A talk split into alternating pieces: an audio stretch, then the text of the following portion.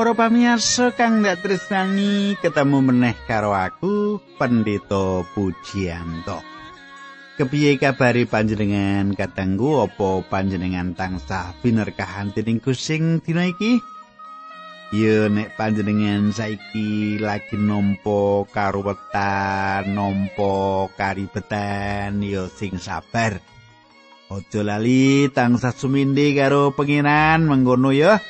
Supaya panjenengan diparingi kekuatan nanggone nandang panandang. Mengkono ya nanging menawa panjenengan saiki nuju ana ing kabejan ya matur nuwun karo Gusti Allah. Aja lali ngabekti karo pangeran. Nah katangku kaya padatan aku bakal bebarengan karo panjenengan ana ing sawetara wektu iki ing sajroning adicara margi utami. Lan iki panjen program iki kanggo panjenengan panjenengan sing seneng maca kitab suci supaya nambahi kawruh kasukman lan jejegake kapiyandelan panjenengan. Sugeng midhangetake adicara iki.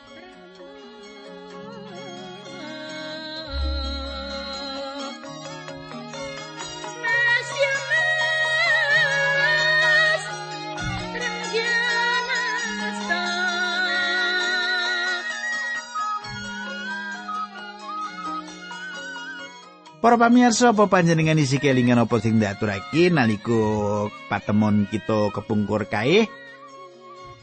Kita wis rampung nyemak kepriye rut entuk sih kawalasan kang ngidapi-dapi saka buas, ya toh? Nalika semono itu ngasak, aja diganggu. Mengkono ya cek kelingan panjenengan, ya.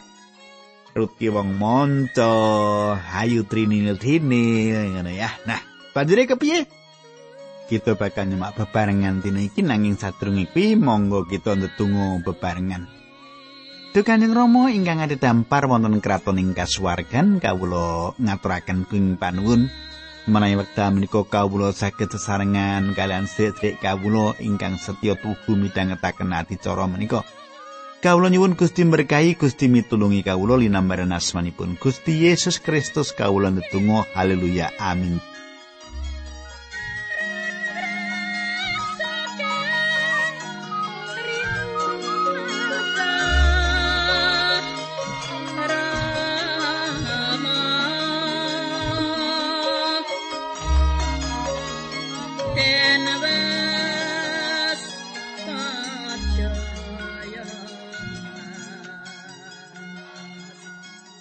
Para pamirsa saiki pasinaon kita wis tekaning kitab Rut pasal telu.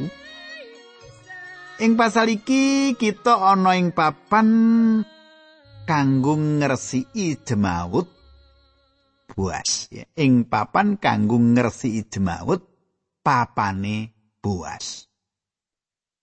Cetha dipratelake ing kene menawa Rut ora nggunakake hae lan saiki Naomi kang ngrampungake masalah Rut ana ing kalungguhan kang ngetapi-tapi. Kanggo mangerti apa kang dumadi ing pasal iki, kita perlu mengerti. Kita perlu ngerti aturan kang ana telu-telune paugeran Musa kang kita temokake ing kene. Kita wis etuk loro paugeran lan saiki kita dikenalake paugeran kang katelu. Kita kudu ngerti kegayutan karo papan kanggo ngresiki jemawut ing jaman semono lan uga mangerti maknane. Iki penting banget. Iki penting banget. Katanggu menawa panjenengan duwe gagasan paugeran-paugeran kang lagi kita sinau iku ngitapi-tapi. Panjenengan bisa nyemak ing paugeran kang siji iki digaya kang disebutake ing kitab pengandaring Torat bab selawe ayat 5 nganti songo ya pengandaring turat selawe ayat 5 nganti songo mengkene surasani Yen ana wong lanang loro padha sedulur lan tunggal sak panggonan mongko salah siji tinggal donya. Ora ninggal anak kuwi randane ora kena dipek wong liya kejaba keluargane. Sedulur lanang kudu ningkah randane mau. Anak lanang pembarep saka ningkah mau kudu dianggep anake wong sing wis mati supaya sing mati mau duwe turun ing antarane bangsa Israel. Nanging yen sedulure lanang wong sing mati mau ora gelem ngepek randane, Rondo kuwi kudu ngadep marang para pinituwa ing saketenge kutha kono lan kondo IP kula mboten purun nglampahi kewajibanipun ngesangaken naminipun sederekipun ing Israel. Para pinituwane kutha kono kudu ngundang IP mau dijak rembugan yen dheweke meksa ora gelem ngawini randane sedulur mau. Wong wadon mau ana ing ngarepe para pinituwa kudu nyopot sandale IP-ne ngidoni raine lan kondo. Mengkene iki jalukane wong lanang sing ora gelem aweh turunan marang seduluri. Kadangku, iki sawijining paugeran kang ngedapi-dapi. Sak ngertiku. Kitab Rut kang cilik iki menehi siji-sijine pasemon gegayutan perkara iku ing sajroning kitab suci nanging kudu dibolan baleni dicethakake Awit perkara kuwi perlu dicethakake nalika wong lanang mati tanpa ninggalake turunan. Iki sawijining paugeran pangreksane Gusti Allah. Ing sadroning paugeran iki ngandhut rong perkara kang cetha lan bisa ana uga prakara-prakara kang liya. Kang kawitan yaiku Gusti Allah ngersakake njaga kalungguhane wong wadon. Gusti Allah ngersakake njogo kalungguhane wong wadon. Panjenengan bisa mangerti menawa wong lanang mati lan mari sakit tanah kanggo tetane lan kebon anggur lan seponro kewan ingon-ingon, randane bakal kangilan ngurus iku kabeh. Dadi wong wadon mau bisa nuntut marang salah siji sedulure kang lanang utawa kerabat cedhake lan wong wadon mau kudu gawe putusan. Paugeran Torat ngayomi kalungguhane wong wadon. Sebanjure kang kaping pindho Gegayutan karo paugeran iki yaiku Gusti Allah ngersakake jangkung hak atas tanah. Gusti Allah ora mung maringake tanah Palestina marang umat kagungane Allah. Panjenengane ora mung maringake marang saben taler sak perangan saka tanah kuwi, nanging panjenengane uga maringake marang saben wong bagian tanah. Saben keluarga duwe tanahe dewi-dewi. Dikaya kang wis kita sinau, Sawijining keluarga bisa kelangan tanahe nanging ing sajroning taun Yobel tanah kuwi bakal bali meneh marang kang duwe asli. Lan kali mengkono panjenengan semak Gusti Allah jangkung deduwean iku. Sanak kang paling terak kudu kang ningkai rondo mau kanthi mengkono dheweke bisa nampani raja kaya ing sajroning bangsa taler lan keluarga. Kanggone kita saiki paugeran iki sawijining paugeran kang aneh nanging iku dipraktekake ing tanah Israel. Kadangku ing sadroning masalah Rut, dheweke iku rondo tanpa anak lan bondo kang duwe hak kanggo nuntut buas awet dheweke iku sanak kang cerak. Naomi wis nuduhake yen buas iku kang disebut penebus.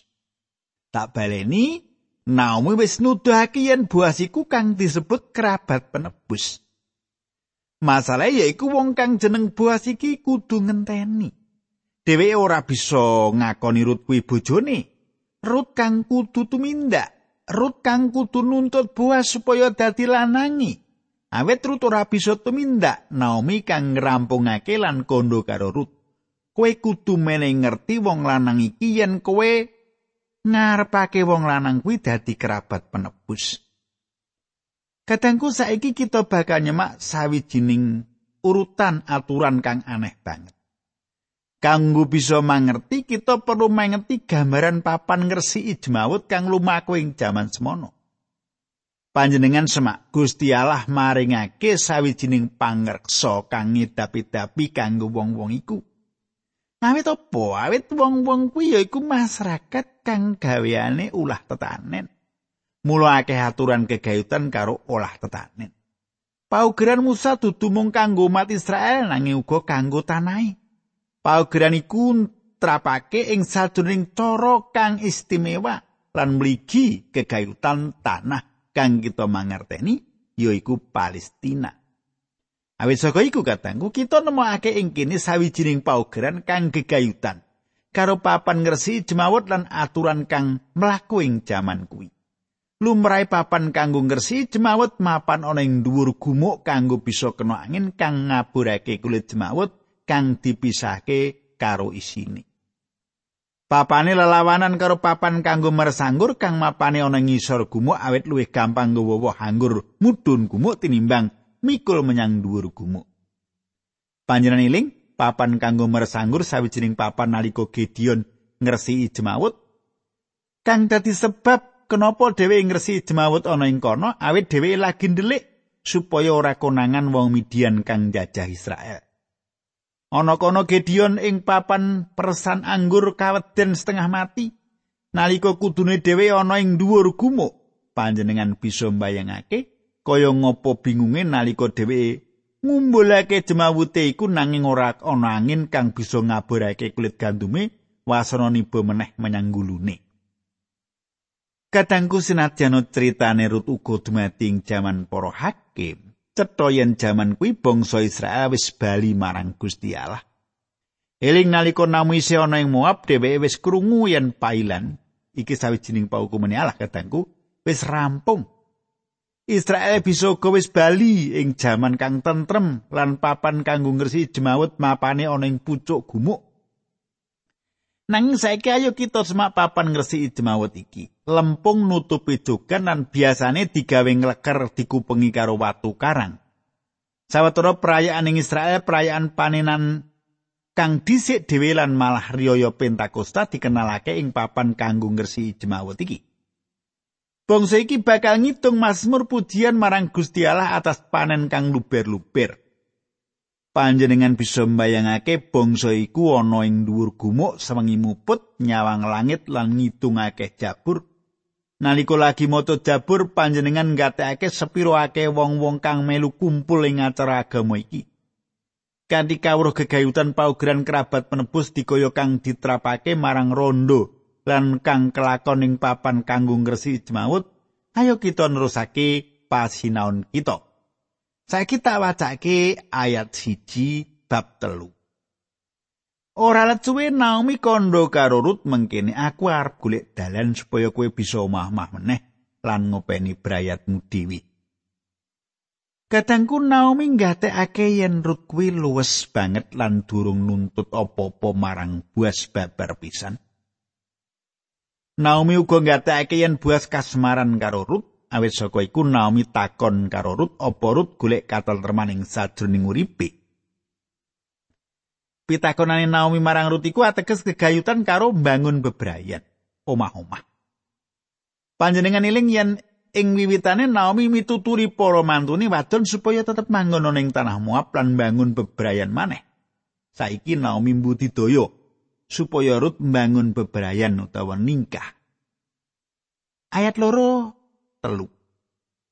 Kowe rak nyambut gawe bebarengan karo wong wadon-wadon ing sawahe buas to? Buas kuwi isih sedulure awake dhewe, saiki kowe ndak kandhani mengkene sore iki buas bakal teko ana ing sawahe ngresiki jemabuti. Mulane kowe adusa dandana sandanganmu sing apik dhewe nggonen lan nganggo lenga wangi setitik sawise mengkono kowe marana buas sing lagi ngresiki jemabuti.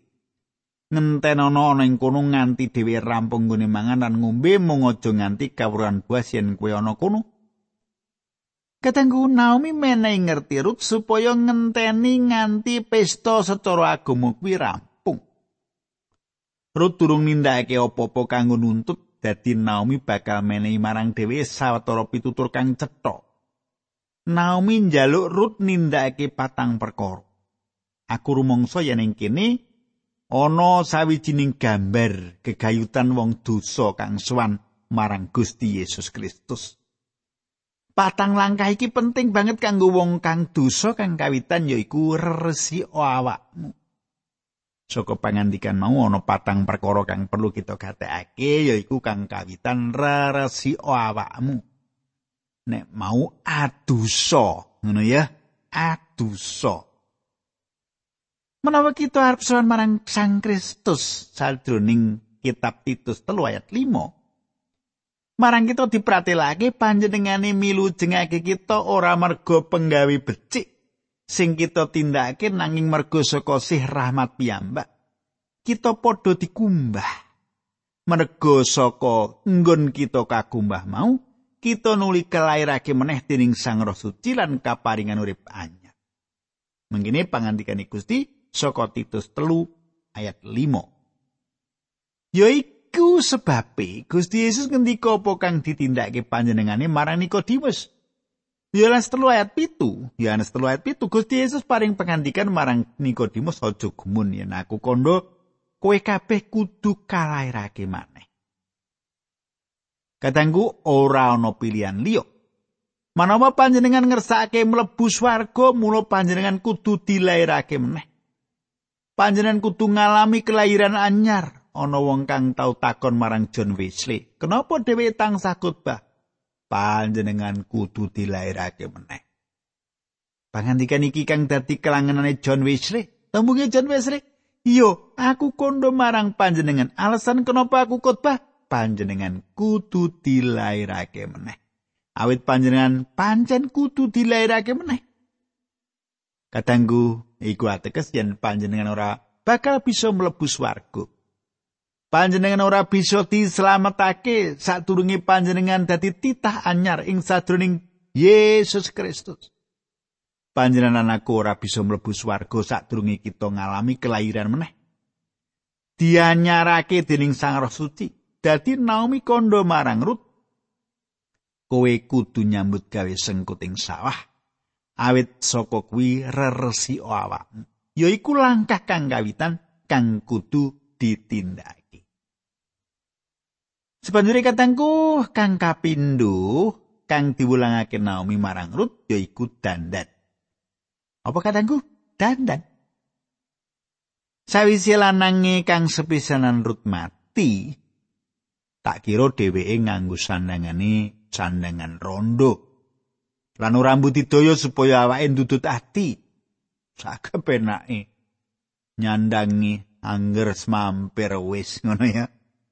Nanging saiki Naomi ngrumangsani ana wong kang wis kasmaran atine marang Rut lan kanthi mengkono kondo karo Rut supaya nganggo lenga wangi kang wis suwe mung disimpen wae lan lenga wangi kuwi digunakake meneh. Dadi Naomi kondo dandano. Perkara kuwi uga kegayutan karo pengalaman Kristen kita kadang. Ku nalika panjenengan aku dadi para putrane Allah. Kita iki dadi bayi-bayi Nanging kita uga wis kagedhake saengga duwe kalungguhan dewasa ing ngendi kita bisa mengerti kayekten ilahi. Lan ana prakara kang dikandhake wong prataya gegayutan karo jebatan kang nuntut. Panjenenganan aku duwe kang disebut jebatan Sang Roh Suci. Kadangku, Yohanes meratelake marang kita ing siji Yohanes loro ayat 30. balik kuwi kabeh wis katedhakan Roh Suci peparingi Sang Kristus. Kuwi sebabe kuwi kabeh padha ngerti karo kersane Gusti Allah. Katangku yen Sang Roh Allah yaiku panjenengane kang mulangake marang kita samukawis kayekten lan kita kabeh mbutuhake mulangan Sang Roh Allah Iku sawijining dalan siji-sijine ing jagat ing ngendi kita bisa mangerti pangandikane Gusti Allah. Sang Roh Allah kudu wentah kita. Lan iku sawijining kasunyatan kang disepelake ing jaman saiki. Nalika iki ing laladan teologi ana seling surup kang rame bab ajaran ilham Sang Roh Suci. Mangerteni yen kitab suci diilhamake dening Sang Roh Suci banget dening penting. Nanging panjenengan bisa wae kumandel ilham Sang Roh Suci kanthi cara kang bener lan sekabehe panulisane kitab suci lan isih wae ora mangerti pangandikane Gusti Allah. Kenapa? panjenengan kudu wanuh yen panjenengan ora bisa nggunakake kapinteran wae ing sadroning mangerti kitab iki lan kanthi kapinteran panjenengan duwe pangarep-arep bisa mangerti pangandikan kuwi. Panjenengan bisa wae mangerti kasunyatan-kasunyatan panjenengan. Panjenengan bisa sinau perkara-perkara kang ana gegayutane karo kapinteran nanging mung Sang Roh Allah kang bisa mulangake panjenengan perkara-perkara kasukman. Paulus meratelake ing sadurunge siji Korinta loro ayat 9 lan 10 mengkini surasani. Nanging kaya sing dingendikake ana ing kitab suci, apa sing durung tau dideleng utawa dirungu, apa sing ora dipikirake dening manungsa? Ya perkara-perkara kuwi sing wis dicawesake dening Gusti Allah kanggo wong sing padha tresna marang panjenengani. Gusti Allah nglairake wewadine mau marang kita lantaran Sang Roh Suci. Roe Gusti Allah kuwi niti preksa samubarang. Dalasan kersane Gusti Allah sing winadi ya dititi preksa Sang Roh Allah kuwasa mulangake marang kita lan kuwasa mimpin kita lan nuntun kita ing sadroning kayekten. Kadangku. Kaya ngopo pentinge duwe Sang Roh Allah minangka guru kita. Awit marang kita Gusti Allah wis meratelake kanthi roh sebab roh kang naliti sawernaning prakara malah perkara-perkara kang kasingitake ing sadroning Gusti Allah. Kita perlu kenayan nalika kita dilairake meneh marang kita diparingi jebatan saka Sang Roh Allah. Perkara iki disebutake meneh 1 Yohanes 2 ayat 17. Nanging tumraping kowe Sang Kristus wis ngesake roe marang kowe kabeh. Lan semongso roe Kristus ana ing kowe, kowe ora perlu diwulang dening sapa wae. Awet roh mau mulang marang kowe bab samu barang kabeh lan piwulangi kuwi nyata ora goroh mulani padha istana lan padha lestario tetunggilan karo Sang Kristus. Katangku iki ateges yen panjenengan ngiwakake sinau marang menungsa utawa para guru menungsa. Panjenengan aku yaiku para kang nampa warisan saka para wong suci ing jaman kepungkur kang wis diwulang dening Sang Roh Suci. Lan Gusti Allah maringake guru-guru marang gereja ing jaman saiki. Nanging malah para guru utawa bondo donya kang asipat kadonyan jaman kepungkur ora bakal menehi penerangan marang panjenengan kejaba sang roh Allah dadi guru panjenengan lan kaya mengkono langkah kang kapindho saka rutiku penting dheweke kudu resik badani lan banjur dandan Sebanjure perkara kang katelu nganggo sandanganmu kang apik dhewe. Iki sawijining langkah katelu kanggo wong pracaya. Nalika panjenengan lan aku suwan marang Sang Kristus lan nampani panjenengane minangka Sang Juru Slamet marang kita dipratelake yen panjenengane dadi kayekten kita. Sang Kristus ora mung nyucake dosa kita panjenengane ora mung nganyarake lan andadekake kita putra-putrane Gusti Allah. Nanging panjenengane ngenalake kita kanthi kayektenane sabeneri prakara kuwi disebut minangka jubah kayekten Ing sadroning Rom 3 ayat 23 prakara kuwi dicethakake kanthi endah banget. Yen Gusti Allah ngrukunake menungso karo sarirane piyambak, mergo percaya marang Gusti Yesus Kristus, Gusti Allah nindakake sing mengkono mau tumrap wong kabeh sing padha percaya marang Gusti Yesus Kristus, sebab wong kabeh mau ora ana bedani. Paulus ngrembug perkara iku minangka jubah kang ngemuli wong dosa, ngayomi kanthi mengkono Gusti Allah mirsani kita ing sadruning Sang Kristus lan kayekten panjenengan dadi kayektene kita. Kita ngatek sempurna ing sadruning panjenengane Efesus 1 ayat 6. Pinuju asmani Allah, mergo sih rahmate sing semono luhure lan mergo kanugrahan sing kaparingake marang kita lantaran kang putra kinasih yaiku jubah kayekten kang kita duwe ing jaman saiki.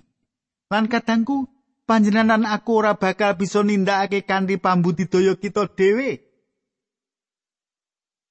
Kita suminde sabutuhe marang panjenengane.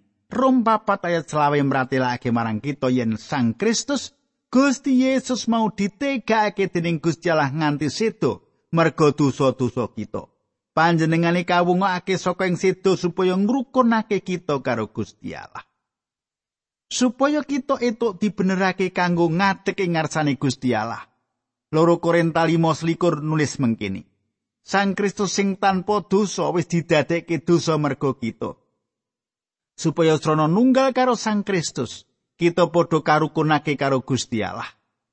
Panjenengan dan aku ngadeg kanthi kinumpulan jubah kayekten mau saiki perkara kang kaping papat kang dipratelake Naomi marang Rut yaiku supaya ing papan ngresi jemawut lan kondo marang buas yen Rut duwe kekarepan nuntut buas minangka kerabat kang nebus. Tak cukupi semene, ayo kita ndedonga. Duh Kanjeng Rama ing swarga kawula ngaturaken kuing panuwun kayektosan saking pangendikan paduka sampun kawula andharaken supados dados berkah kangge sedherek kawula. Dinambaran asmanipun Gusti Yesus Kristus kawula netunggal. Haleluya. Amin.